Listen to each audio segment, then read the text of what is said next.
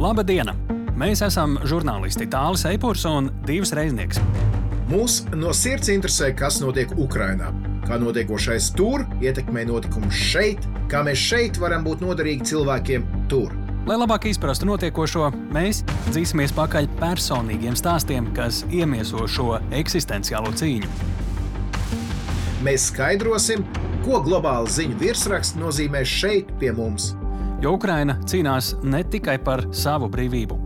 Ukraina šobrīd ir arī mūsu drošinātājs. Labrīt, labdien, labvakar! Šeit divs, sveiks tāli! Sveiki, visi raidieraksta drošinātājs klausītāji! Šajā nedēļā mēs esam pildījuši savu solījumu un esam sadzinuši rokā vienu ļoti personīgu stāstu, personīgu sarunu. Tālu vai ne? Nu jā, es visu laiku cenšos paturēt prātā to mūsu vadmotīvu, lai arī jums, klausītāji, tas uh, lēnām uh, saglabājas. Ir, ka drošinātājs skaidri un personīgi, ar uzsvaru arī uz personīgi par karu Ukrajinā. Un šis tiešām būs tāds uh, viena cilvēka stāsts, un es domāju, ka Latvija atradīsies tūkstošiem, desmitiem tūkstošu cilvēku, kuri to klausīsies, tāpēc ka runa ir par to, kā kara laikā strādā viena skolotāja. Jā, par to mūsu raidierakstā trešajā daļā. Es gan gribētu sākt ar to, ka es gribētu tevi sveikt nedēļā, kad izrādījās, ka Krievija Ukrainā cīnās pret ko? Sātanismu. Oh. Jā, uh, viens, Oficiāli. Jā, viens uh, Krievijas uh, oficiālā persona izmet šādu domu, pēc tam gan viņi tur ātri apklusināja. Um, vakar vēl nu pats redzēju skaistu jaunu video, kur Lavrovs, Krievijas ārlietu ministrs, uh, skaita bezmazliet dzējā to, ka šis ir uh, iekšējais slāvu ģimenes strīds, un pārējiem nav saprašanas par to visu. Tādēļ nevajag līst un kaut ko mēģināt risināt.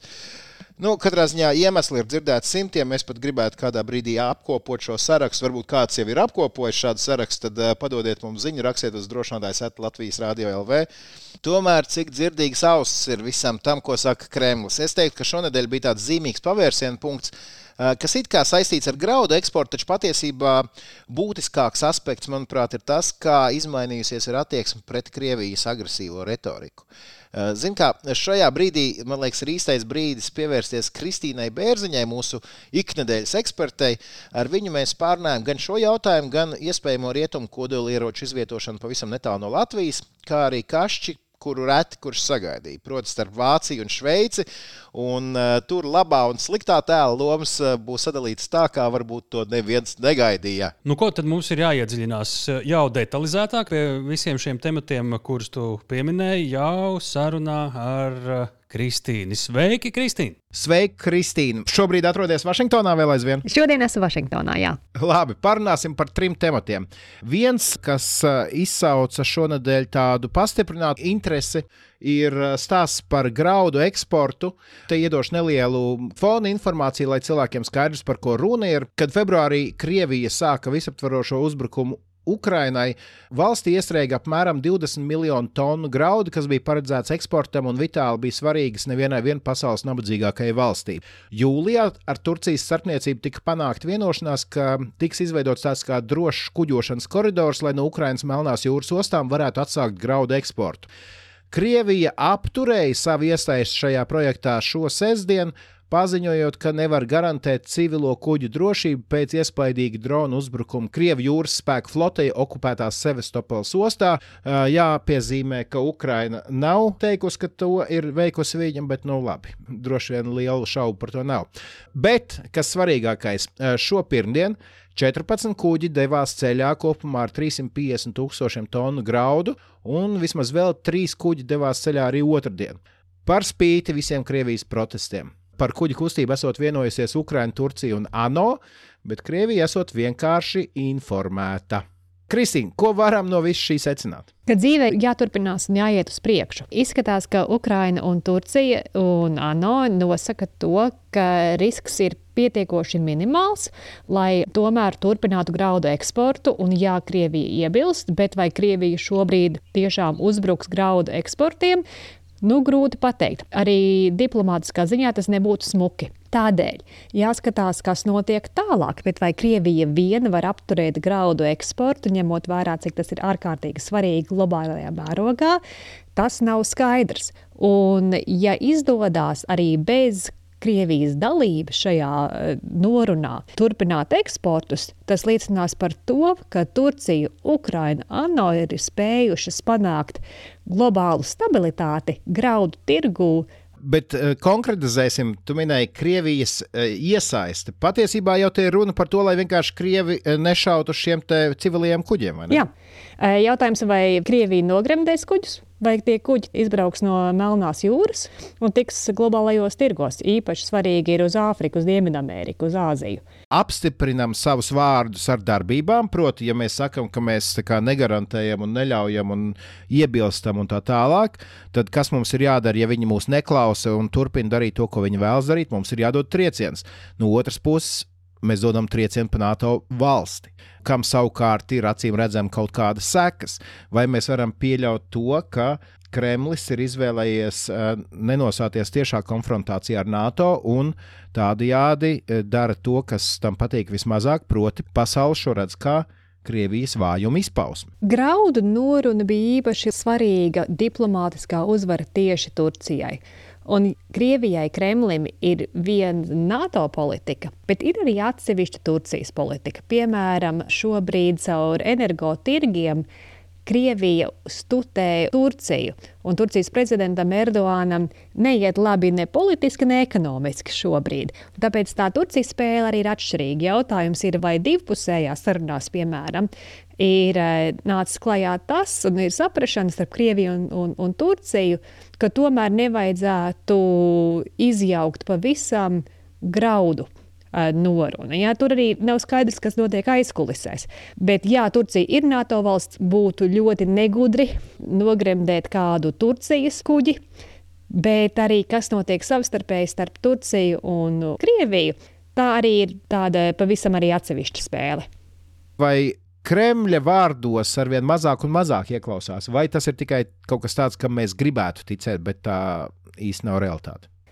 Objektīvi var teikt, ka Kremlis ir novērsis uzmanību no daudziem pasaules jautājumiem, jo ļoti lielu uzmanību ir jāpievērš Ukrainai un Ukrainas karam.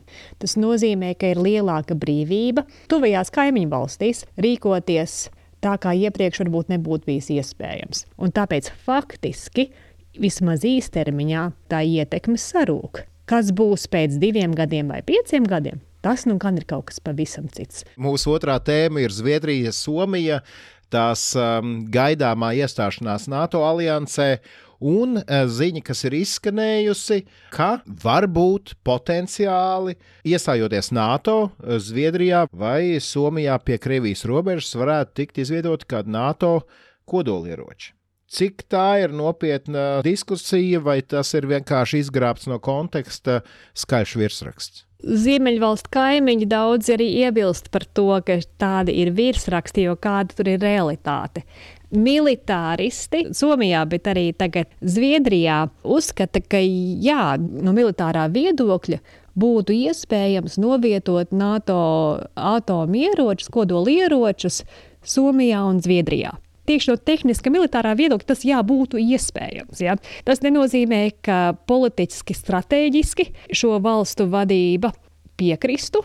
Bet nu, lielākais jautājums ir, vai kāds arī censtos novietot NATO valstu kodolieroču Ziemeļvalstīs. Un tas ir zem milzīgas jautājuma zīmes, jo tomēr tie nav kaut kādi bez nacionālās saiknes kodolieroči. Tie ir vai nu ASV, vai Lielbritānijas, vai Francijas. Un neizskatās, ka kāda no šīm lielvalstīm būtu ieinteresēta ievietot savus kodolieročus kādā vēl citā valstī. Šobrīd nav nepieciešamība, un izskatās, ka arī nav, nav ne vajadzība, ne interese. Un tad, jā, varbūt Somija un Zviedrija varētu teorētiski dot atļauju, vai tas faktiski notiktu, par to ir liela šaubas. Bet kādēļ tad šādu virsrakstu? Vienkārši kaut kāda klikbaita vai kas? Nu, jā, tas izklausās ļoti saistoši. Nu, tagad viss mainīsies, un te būs kodolieroči, un uzreiz īpaši asinsspiediens pacelsies tajās valstīs, kur ir ļoti liela daļa iedzīvotāji, kuri nu, liedz vispār pasaulē kodolieroču nepieciešamību, un Ziemeļvalstīs tādu cilvēku ir daudz. Un tad sakurina tautu. Iedomājieties, kas tagad būs, pēc sāk tālāk paskatīties, kurš ir kaut ko pieņēmis, vai tiem ir teikšana tādos politiskajos jautājumos, un vai kāds vispār piedāvā kodolieročus, pavisam cits atkal jautājums. Nu, labi, laiks ķerties klāt trešajai mūsu šīs dienas tēmai - Vācija. Vācija un Šveice. Tie, kuri ir sekojuši Ukraiņas notikumiem gan cītīgi līdzi, zina, ka Vācijai šobrīd Ukrainā nav tā labākā slava. Tā tiek apsūdzēta par to, ka tā sola, sola, kā saka latviešu tautsdziesmās, solīt sola, bet nedēva. Ja? Jā, jā. Bet šonadēļ interesanta ziņa pienāk no Rietumē Eiropas ka ir radies kašķis starp Vācijas un Šveices politiķiem. Šveice boikotē Vācijas iecerēto munīcijas eksportu uz Ukrajinu. Šveicieši apsūdz vāciešus, ka tie ir aizmirsuši par tās neutralitāti. Man šī ziņa, godīgi sakot, nedaudz pārsteidz, jo, jo Šveice ziņās pēc uh, 24. februāra parādījās kā viens no tiem skaļiem virsrakstiem, ka lūk, slavenā Šveice, kas vienmēr ir bijusi neitrāla, ir nostājusies Ukraiņas pusē. Pēc tam mēs esam dzirdējuši, tātad, ka Vācija lūk, nedod Ukraiņai ieročus, bet tagad uh, ir ziņa, kas apgāž visu iepriekš dzirdēto. Tātad vācieši grib Ukraiņiem nosūtīt militāro munīciju, un Šveice iebilst. Izskaidro, Kristīna, lūdzu, kas tur īstenībā notiek. Jautājums šeit ir dažāds. Pirmais ir par Šveices neutralitāti, vai Šveice vēl joprojām tiešām ir neitrāla valsts, kur ir tās neutralitātes robežas. Sankcijās pret Krieviju šī gada pavasarī Šveice piedalījās. Tagad munīciju eksportam uz to neparakstās. Kur ir tā robeža? Īpaši vēl, ja skatās strateģiskos dokumentos, politikā Šveicē runa par neutralitāti paliek par tādu sadarbības neutralitāti. Neutralitāte, kurā ietilpst sadarbība ar NATO, tā nav tāda neutralitāte, kur saka, mums neko nevajag, mēs te esam kalnos vieni paši, un mēs ar jums tagad nerēķinamies un nesadarbojamies.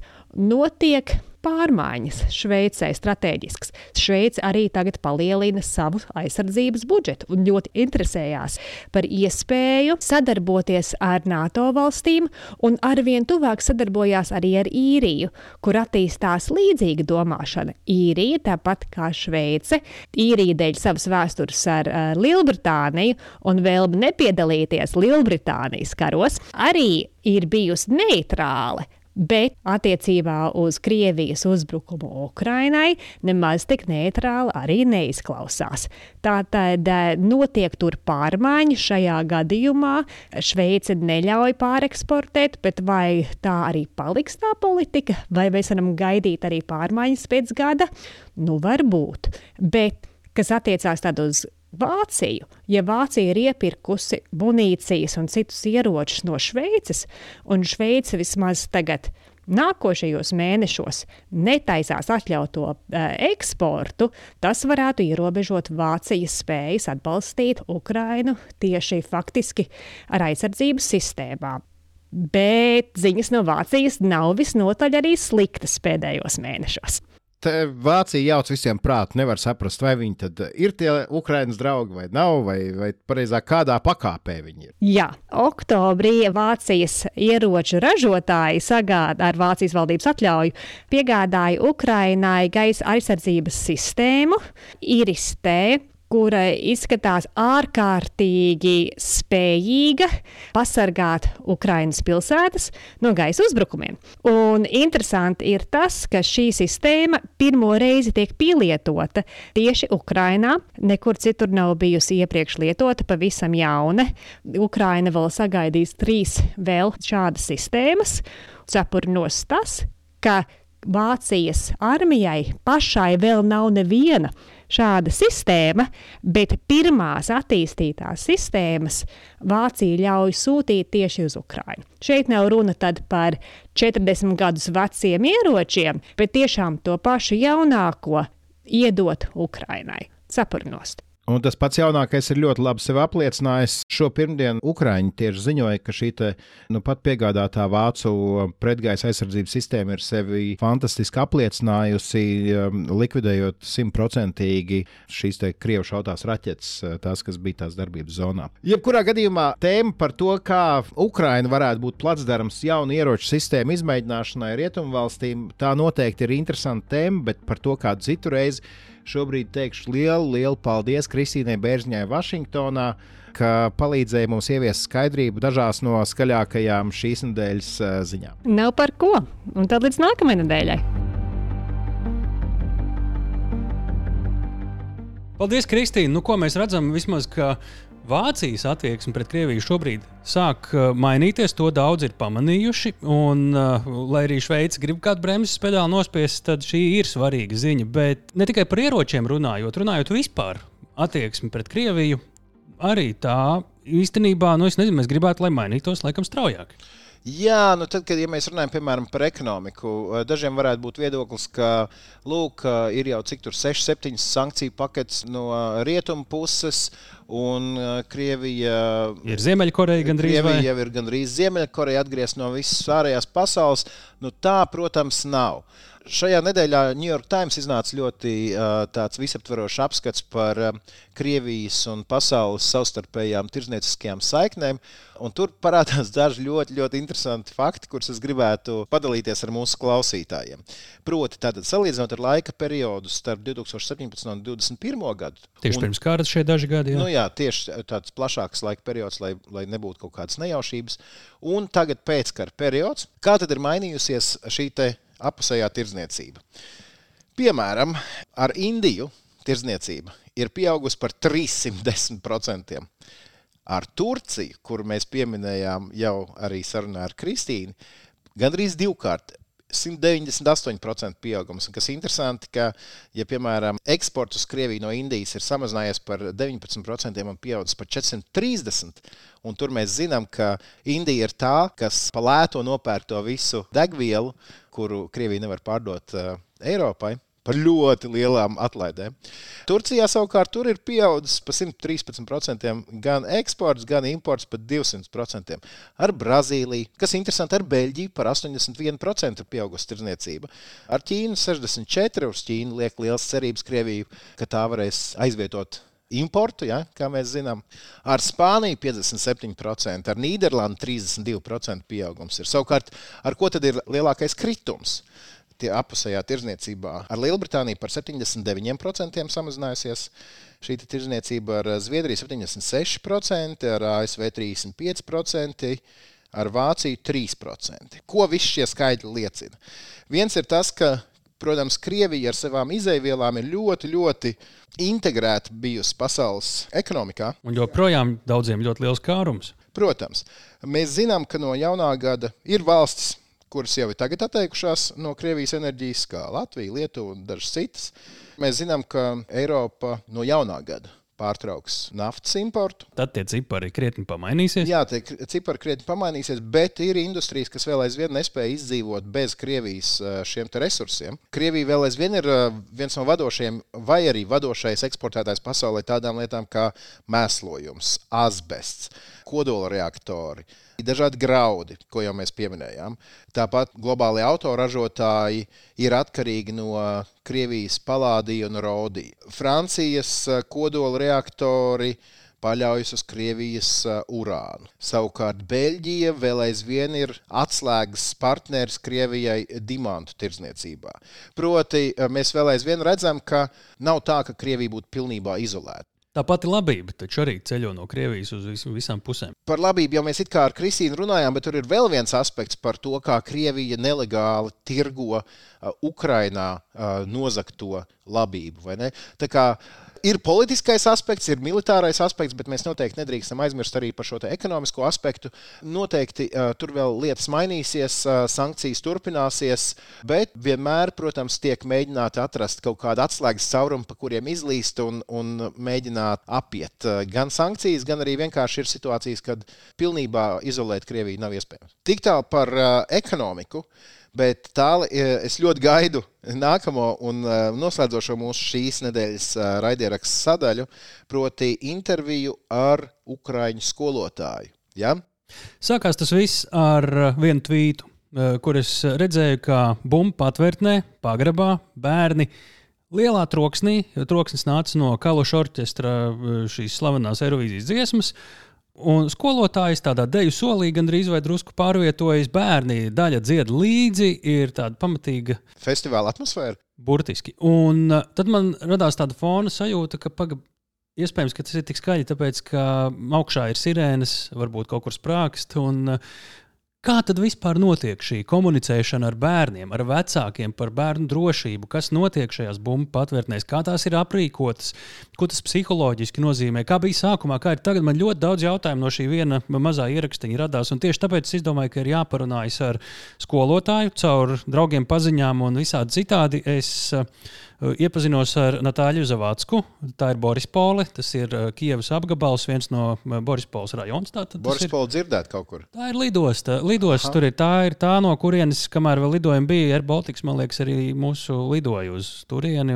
Tā ir lidosta, ar kuru, nu, mums ir Mārupē, tad viņiem ir Borispole, ja viena lidosta.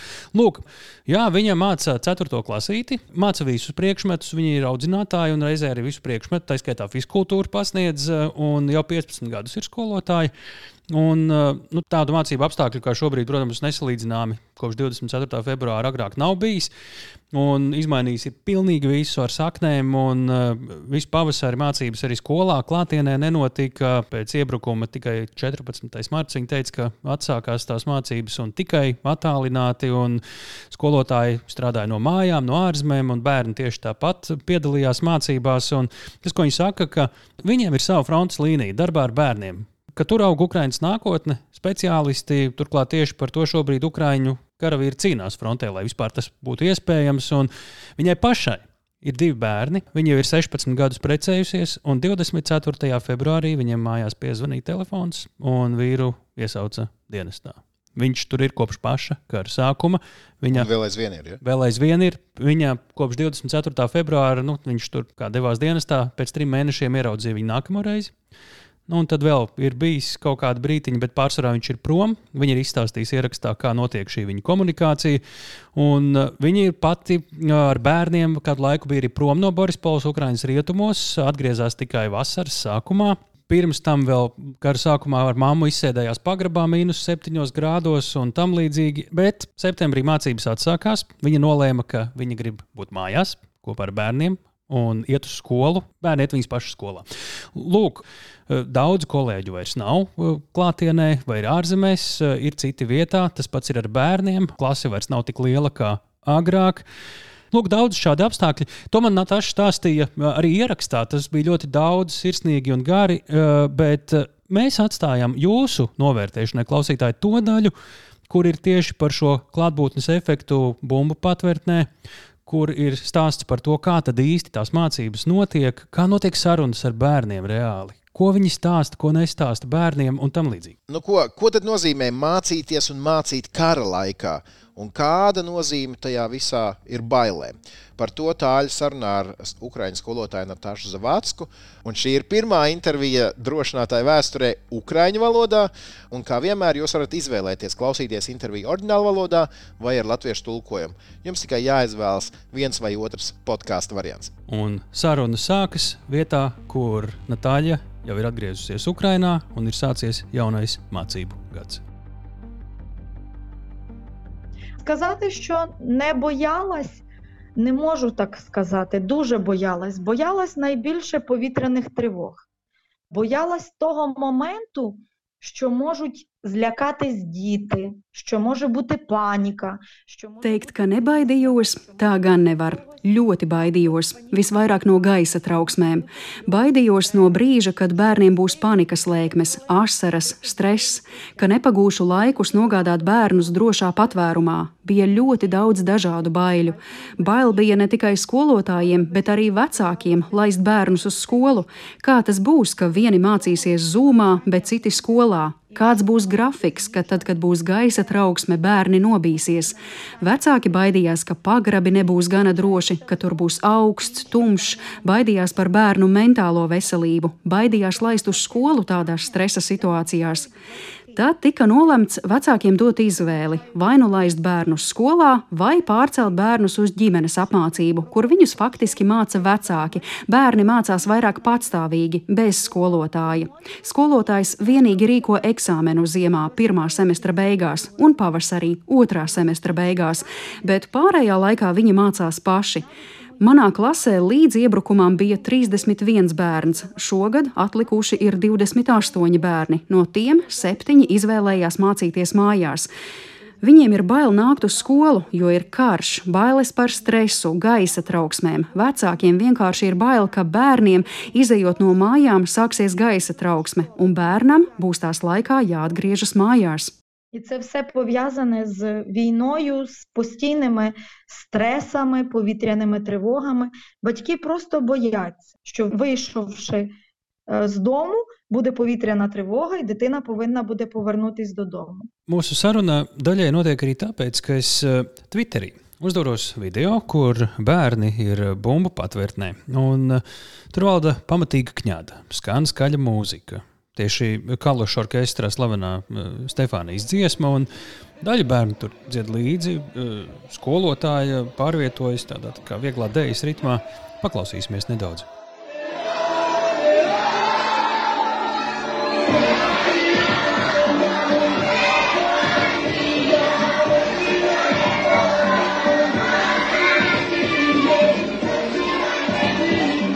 Nu, lūk, tāda atmosfēra bumbu patvērtnē pilna ar bērniem. Un, ja godīgi, tad rodas sajūta, vai vismaz jautājums, ka vai tā netiek savā ziņā paslēpta tā atmosfēra, kas ir tur, ārpusē, augšpusē ar sirēnām, sprādzieniem. Izstāstiet, kā tas notiek pie jums, kā tas bija pirmajās reizēs un kā ir tagad. Таких відео дуже багато, їх дуже багато. Це не одиничний випадок. Перші дні навчання по сигналу повітряної тривоги була tривога. Tādu video ir ļoti daudz, ļoti daudz. Šis tāds nav vienīgais. Pirmajās klātienes mācību dienās, gaisa trauksmes laikā, acīs bija redzama trauksme, bet mēs neļāvām bērniem pamanīt mūsu satraukumu. Mēs nedarām neko lieku. Mēs ņemam bērnus aiz rokas un rindiņā dodamies ārā no klases, cik vien var ātri, nešauboties, bez ceremonijām un labas uzvešanās paraugiem mēs ātri dodamies uz pagrabu. Pirmajās dienās bērni satraucās. Viņi skatījās apkārt, skatījās uz skolotāju, uz mums, lai saprastu, kā ir jāuzvedas. Ja skolotājs ir satraucies, tas pāriet arī pie bērniem. Ja skolotājs izrāda, ka jūtas droši, tad tā jūtas arī bērni. Tāpēc mēs neizrādījām savas bailes, lai arī bail bija mums visām. Tāpēc mēs smaidījām un steidzinājām bērnus, līdz viņi ātri, ātri tika līdz patvērtnei. Vēl pirmajās dienās ceļš līdz pagrabām viņiem aizņēma 2 līdz 5 minūtes, tad tagad tās ir maksimums 2 minūtes. Tagad bērni mūs jau sagaida pagrabā, izdzird signālu un tajā pašā brīdī ir kājās un iet ārā no klases. Neko negaida, labi zina, kur piet, un viņi jau ir pirmie, kas ieslēdz gaismu pagrabā. Algoritms viņiem ir skaidrs. Apģērbīgākie jau pirmie dodas pie galda spēlēm. Viņi zina, kā izklaidēties. Tur ir grāmatas, tur ir spēles, kārtas, ir Wi-Fi, var pieslēgt skaļrunīti ar mūziku. Tagad bērni ir daudz drošāki, ka pagrabā nav jābaidās. Un viņi zina, ka tā viņi palīdz Ukrainas armijai. Viņi saprot, ja viņi dodas uz pagrabu, es palīdzu neuztraukties saviem vecākiem, jo viņi taču par mani uztraucas, un arī armija var mierīgi darboties. Un kad bērni izdzird sprādzienu troksni, viņi uzreiz saka, tur strādā pretgaisa aizsardzība, tur mūsu armija sit orkus. Viņi vairs nebaidās, tie ir pavisam citi bērni. Viņi uz pagrabu iet kā uz nodarbību. Pirms tam mēs skolā mācījāmies, bija fiskultūra, bet pagrabā ir vieta, kur var uzspēlēt spēles, var papļāpāt. Tas ir, tas vairs nav tas pagrabs, no kā tik stipri baidījāmies kara sākumā. Mēs, protams, esam piestrādājuši pie pagraba. Vasarā bija remonts, tur radīti visi apstākļi. Tur ir silti, tur ir gaišs, tur ir maza biblioteka, spēļu kartoteka. Viņiem tur ir ko darīt. Viņi zina, ka tā ir vieta, kur savācas visi. Nav bail, jo tur ir mediķis, ir direktors. Tā vairs nav tā baisā vieta, kāda mums bija kara sākumā. Чим зайнятись, і вони знають, що це те місце, де зберуться всі, де буде з тобою твій вчитель, де ти не боїшся, бо з тобою лікар, де ти не боїшся, бо з тобою навіть директор в укритті. Тобто це вже середовище безпеки, а не то страшне місце, яким воно було для нас на початку війни. Un kā uz to raugās vecāki? Viņi sāk justies drošāk, jo kā sākumā jūs teicāt, ka viņi baidījās bērnus uz skolu laist. Сказати, що батьки зовсім не перестали боятись, ні. Але після того, як е, батькам було показано сховище, були проведені батьківські збори у всіх класах, батьки мали змогу пройти в укриття. Nevar teikt, ka vecākiem vairs nav bail, bet pēc tam, kad vecākiem viss tika parādīts, notika vecāku sapulces visās klasēs. Viņi varēja paši apskatīt patvērtni. Viņi redzēja, ka ir biotoalete, ir ūdens, ir sausā pārtika, ir grāmatas, izklaides, ir Wi-Fi. Nu, droša vieta, silta, sausa un tīra. Tas viņus nomierināja. Tas būtiski mazināja vecāku satraukumu. Bērni drīkst ņemt līdzi telefonus, var paņemt līdzi mazu jostas somiņu, tur iekšā var būt telefons, kas nu kuram vajadzīgs, kādas zāles, varbūt kāda konfekte, cepums mierīgākam prātam. Vecāki zvana. Viņi zina, ka tad, ja ir gaisa trauksme, bērni ir drošā patvērumā. Vecāki var piezvanīt, kā viņam iet, Tas mazina satraukumu. Un mēs sakām vecākiem, jūs padomājiet, vai jums mājai ir pagrabs, jums tur ir droša vieta, bet mums skolā lūk ir, un bērni te ir drošībā. Esam par to parūpējušies. Viņi šeit var ne tikai mācīties, bet arī nebaidīties. Зробили все, що могли для того, щоб діти були в безпеці. Створили їм місце не лише для навчання, а й для того, щоб вони не боялися. Tad jau skolā var būt pat drošāk nekā mājās. Bet eh, es gribēju saprast, kāda ir skaņa bumbu patvērtnē. Nav tomēr tā, ka jāuzgriež skaļāk tā mūzika, lai nedzirdētu to, kas notiek ārā. А, В нашому регіоні чутно. Чутно, як працює ППО по Києву. Ми чуємо звуки. Як ППО відстрілює, ми ці звуки чуємо. Ми Mūsu вже їх reģionā var dzirdēt, kā strādā pretgaisa aizsardzība Kīvā. Mēs to labi protam atšķirt. Bet pagrabā ir biezas sienas un tās slāpēja skaņu, un mēs tur praktiski nedzirdām, ja ārā ir gaisa trauksme. Mēs par to zinām tikai no mobilajiem telefoniem. Mums ir Wi-Fi, mēs tur lasām visas ziņas. Bērni to uztver kā socializēšanās un izklaides laiku. Viņi klausās mūziku, var ņemt līdzi skandiņas. Mums bieži ir muzikālās pauzes. Bērniem patīk klausīties mūziku, un ja vēl atskan kāda laba ukraiņu dziesma, noteikti atradīsies kāds, kas dziedās līdzi. Mums mēdz būt jautri un trokšņaini, skan arī dziesmas, ir dažādi. підтримає. У нас буває весело, буває шумно, буває з піснями, буває по-різному.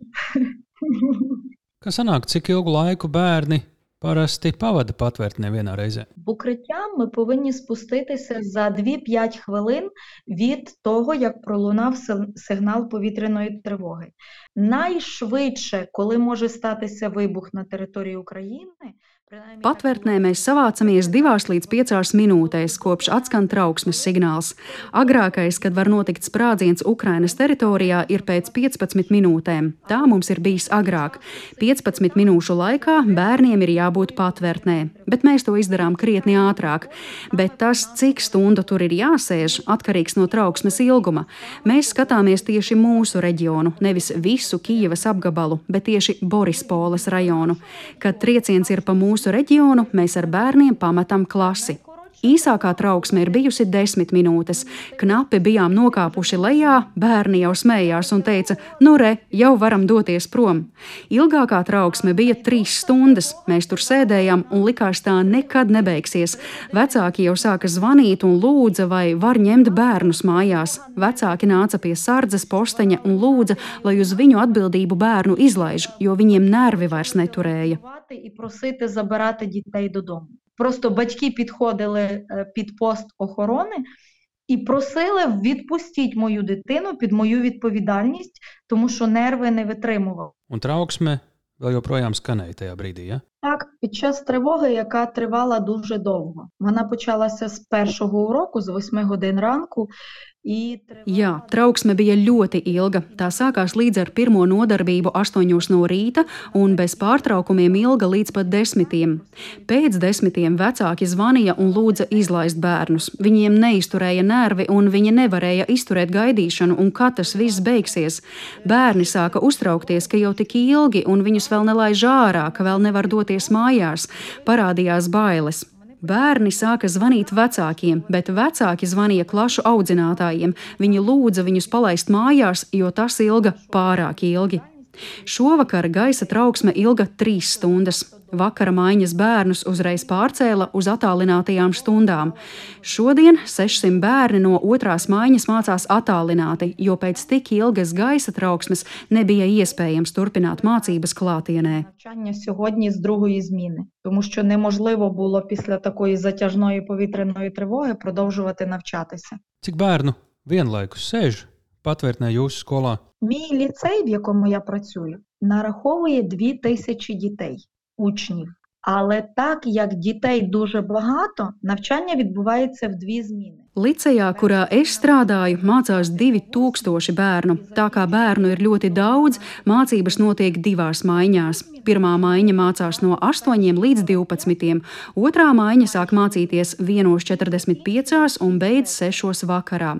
Bet patvērtnē ir tikai 600 vietu. Tāpēc tika nolemts, ka gan pirmajā, gan otrajā maiņā bērnus sadalīs tā, ka daļa strādā skolā, bet daļa mācās mājās. Piemēram, pirmajā maiņā mācās pirmā un otrā klase, un, piemēram, piektā un sestā. Pārējās mācās otrajā maiņā, tā lai bērnu skaits patvērtnē nepārsniegtu 600, bet patiesībā visbiežāk tur nekad nav tik daudz bērnu, ja nu vienīgi kopā ar virtuves un tehniskajiem darbiniekiem, skolotājiem. Tiek atstāta arī rezerve neparedzētām situācijām. Piemēram, ja kāds bērns aizkavējies skolā vai tā sēstuvē un atskanējusi gaisa trauksme, tādiem neparedzētiem gadījumiem vienmēr резерве ieplānotas 50 vietas. Хтось не встиг вийти зі школи, піти додому після уроків. Хтось там затримався, пішов в їдальню, а тут раптово повітряна тривога. Ну, от На такі непередбачувані випадки 50 місць завжди зберігається в резерві. Es uzreiz nodomāju, Tas nozīmē, ka atskanot gaisa trauksmei, faktiski visā valstī vienlaikus ceļas kājās vairāki miljoni skolēnu un dodas uz patvērtnēm. Так, одночасно всі діти, працівники школи, всі від директора до технічки, кухня, працівники кухні всі. Jā, vienlaikus visi bērni, skolu darbinieki, visi no direktoriem līdz tehniskajiem, arī visi virtuves darbinieki, un līdz trauksmes beigām neviens to nepamet. Visi reizē dziedam, priecājamies, spēlējam, lasām ziņas, viens otru atbalstām. Bērniem patīk dzert nebeidzamus daudzumus ūdens, tas viņus nomierina. Tāpēc mums ir rinda pēc ūdens. Tā mēs uzturam kaujas garu, nekrītam panikā, neizrādām satraukumu, lai arī bieži mēs ziņās lasām, ka, piemēram, kaimiņu rajonā atlidojusi raķeta Kijevā kaut kur pavisam netālu no mums. Protams, nav viegli saglabāt priecīgu seju, bet mēs mēģinām bērniem neizrādīt, ka kaut kas ir noticis. Mēs to neapspriežam bērnu klātbūtnē, cenšamies runāt par jebko citu nekā par to, kas notiek ārā.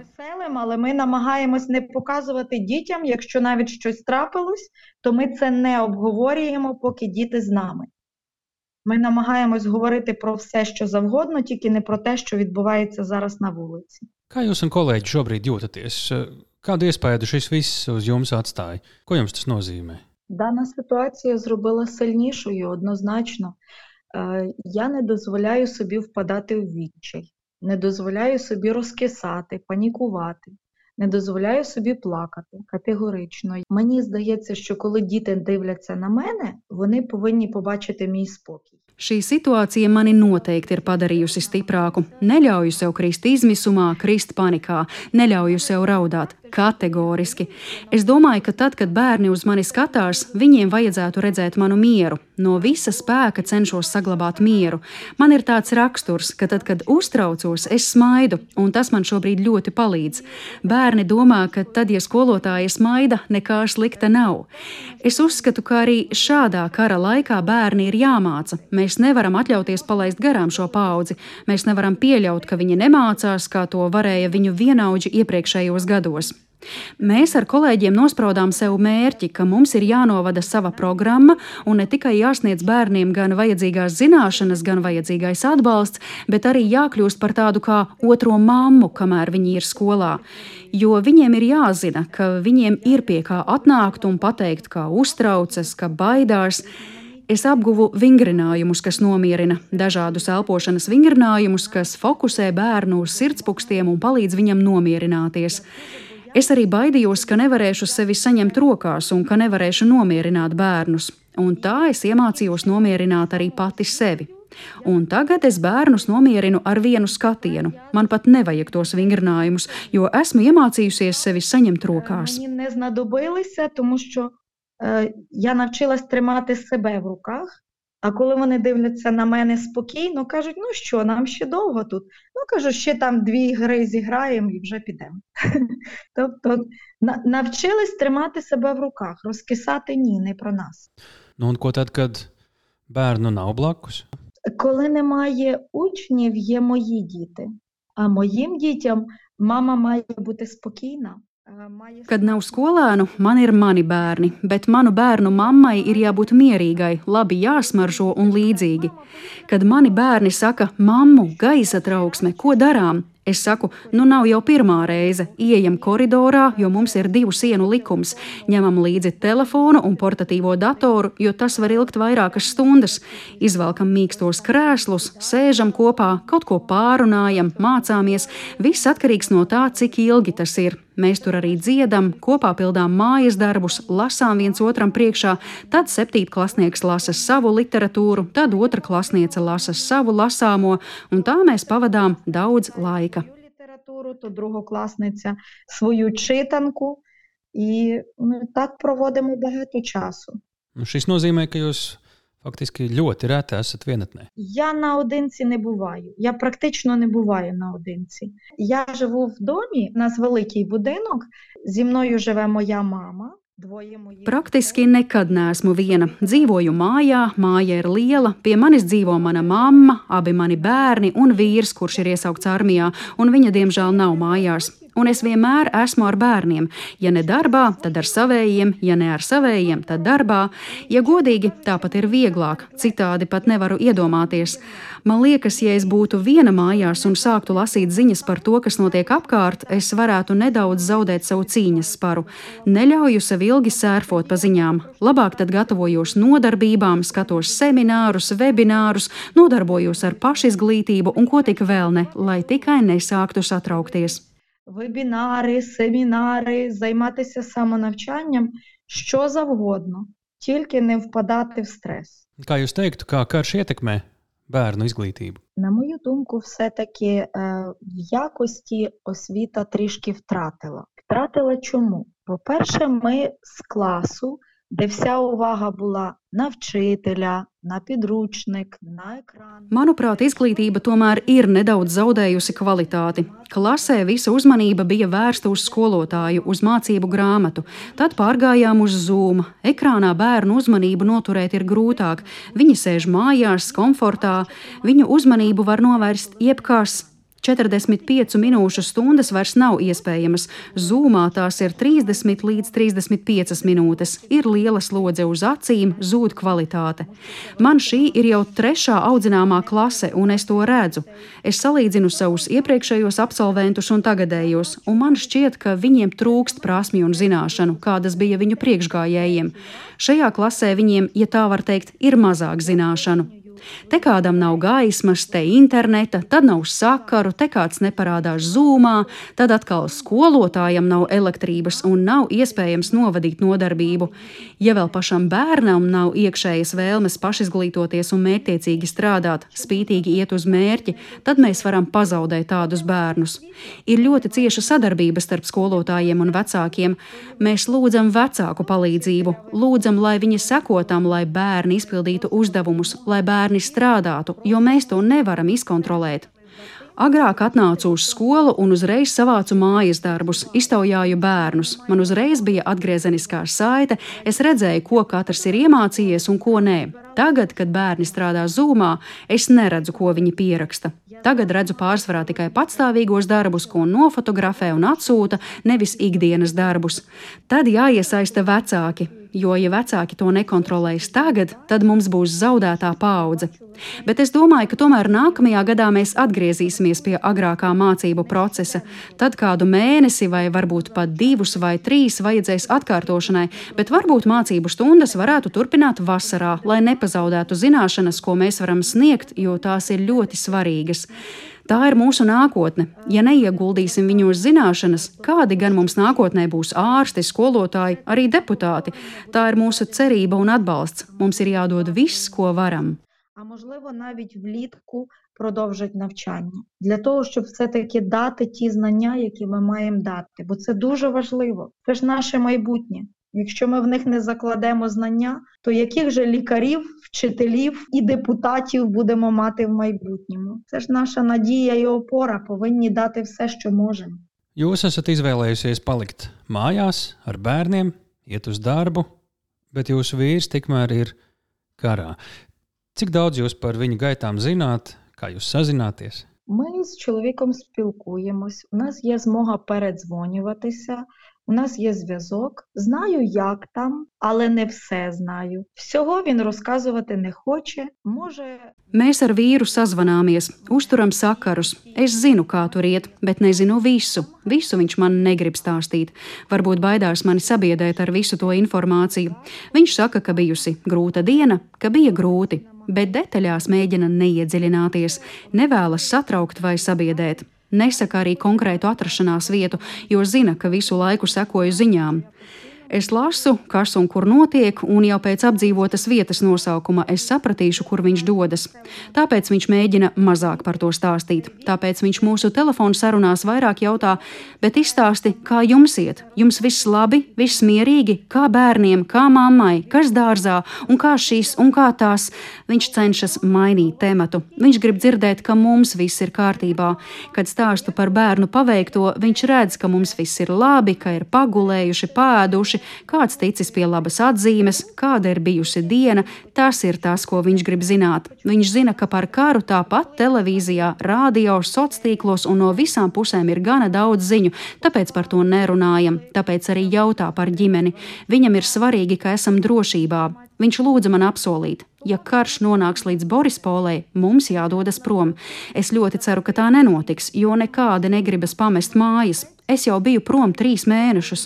Ir ļoti jauki būt ciemos, kur tevi uzņem no sirds un dvēseles, bet tu tomēr tur esi ciemos un vienalga domā par to, kā ir tur, mājās, un gribi zināt, vai māja tur vēl stāv, vai vēl būs kur atgriezties.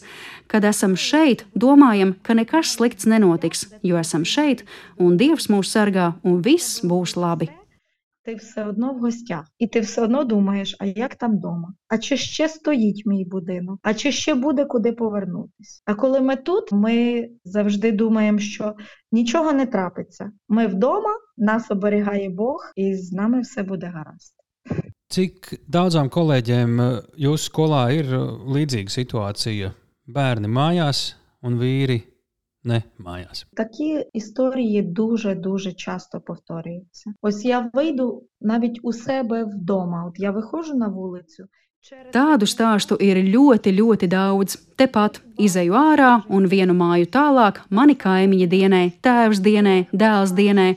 Tāpat ir arī mūsu skolā. Vecākām kolēģiem dien kāds no bērniem, jaunākām vīrs. Nav neviena, kuru tas nebūtu skāris. Ja nedien vīrs vai dēls, tad dien brālis vai brālēns vai onkulis. Vienmēr ir kāds, par kuru uztraukties. Vienmēr. Karš mūs visus ir saliedējis. Ja kāds nav armijā, tad ir teritoriālās aizsardzības vienībā vai brīvprātīgajos. Dažādos veidos visi ir ievilkti šajā situācijā. Ukrainā nav cilvēku, kuri var mierīgi gulēt un teikt, ka man viss labi, tas uz mani neatiecas. Tādu cilvēku nav. Katram ir kāds, par ko uztraukties. Pastāvīgi ir kāds, kurš tagad dienē, par ko lūgties, par ko turēt īkšķus. Un kā kolēģi darbā saka, kad dzirdu gaisa trauksmi, man rodas nepārvarama vēlme ziedot armijai. Mēs palīdzam armijai, un armija palīdz mums. У мене виникає нестрибне бажання донатити на ЗСУ. І це нам допомагає. Ми допомагаємо армії, а армія допомагає нам.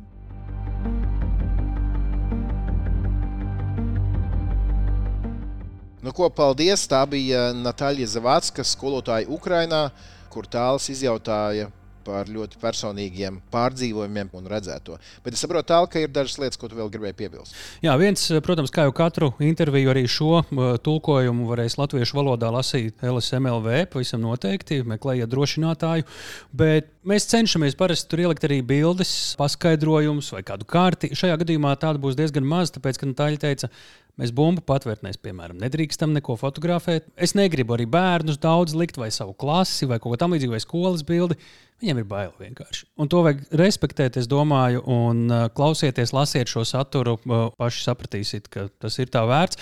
Un ir vēl viena lieta, ko es uzzināju uh, īsi pēc ieraksta, ko man atsūtīja nevis pati Natāļa, bet viņas draugi, ka viņa burtiski nu pat ir uzzinājusi, ka viņas vīru sūta uz frontes priekšējām rindām, un viņa vāc ziedojumu transportam. Šķiet, tas ir mikroautobuss. Es savos sociālajos tīklos, divas droši vien arī nepaskoposies, padalīsies, ieliksim, kur to var izdarīt. Lai arī tas ir Ukrāņu hrivnu konts, tad var mierīgi skaitīt eiro. Es precizēju, tur arī redzams, kam tiek vākts, cik ir savākts, cik vēl vajag. Līdz ar to es domāju, ka tā mēs varam pateikt Natāļai paldies par to, ka viņa ar mums dalījās savā stāstā. Mm. Man, man ļoti svarīgi šķiet skolotāja loma kā tāda. Jeb, protams, jebkurā sabiedrībā, bet, ja mēs skatāmies uz to, kāda ir šī loma bijusi skolotāja loma Ukrajinā un kāda ir tā bijusi Krievijā un Baltkrievijā, tad tur var redzēt, ka skolotāji ir neatņemama šīs ļaunuma impērijas sastāvdaļa. Jo gal galā mēs zinām, ka vēlēšana iecirkņos ļoti, ļoti daudz skolotāju strādā.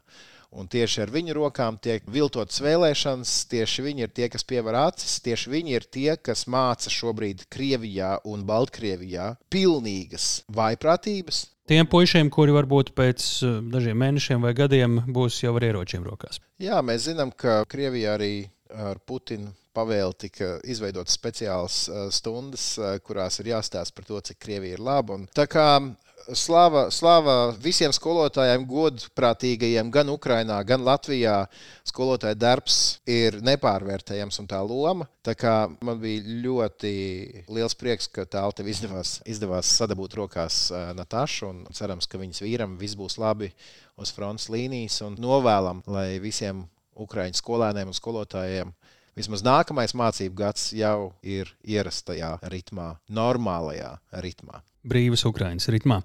Rakstiet mums, rakstiet mums eh, drošinātājs at Latvijas radio LV, rosiniet eh, kādu tematu, ja jums ir kāds labs kontakts Ukraiņā, kam ir personisks, skaidrs stāsts par to, kā tur ir dzīve, droši dodiet ziņu. Jā, jo te jau nav nekāda raķešu zinātne. Mēs zinām, apmēram, ar kādiem cilvēkiem mēs gribam runāt, un tālāk jau man te prasīja, kā jūs dabūjat tos viesus. Nu, tā arī dabūjam caur draugiem, radiem paziņām, caur mūsu klausītājiem. Mēs labprāt dzirdētu jūsu piedāvājumus, eh, kontaktus un tam līdzīgi. Tā kā mēs tiešām dzenamies pakaļ personīgiem stāstiem, lai parādītu jums notiekošo Ukrajinā kaut kā nedaudz citādāk nekā ziņu virsrakstos. Un lai jums līdz nākamajai sestajai epizodei ausīs kaut kur fonā skan, kā drošinātājs, tas ir skaidri un personīgi par karu Ukrajinā.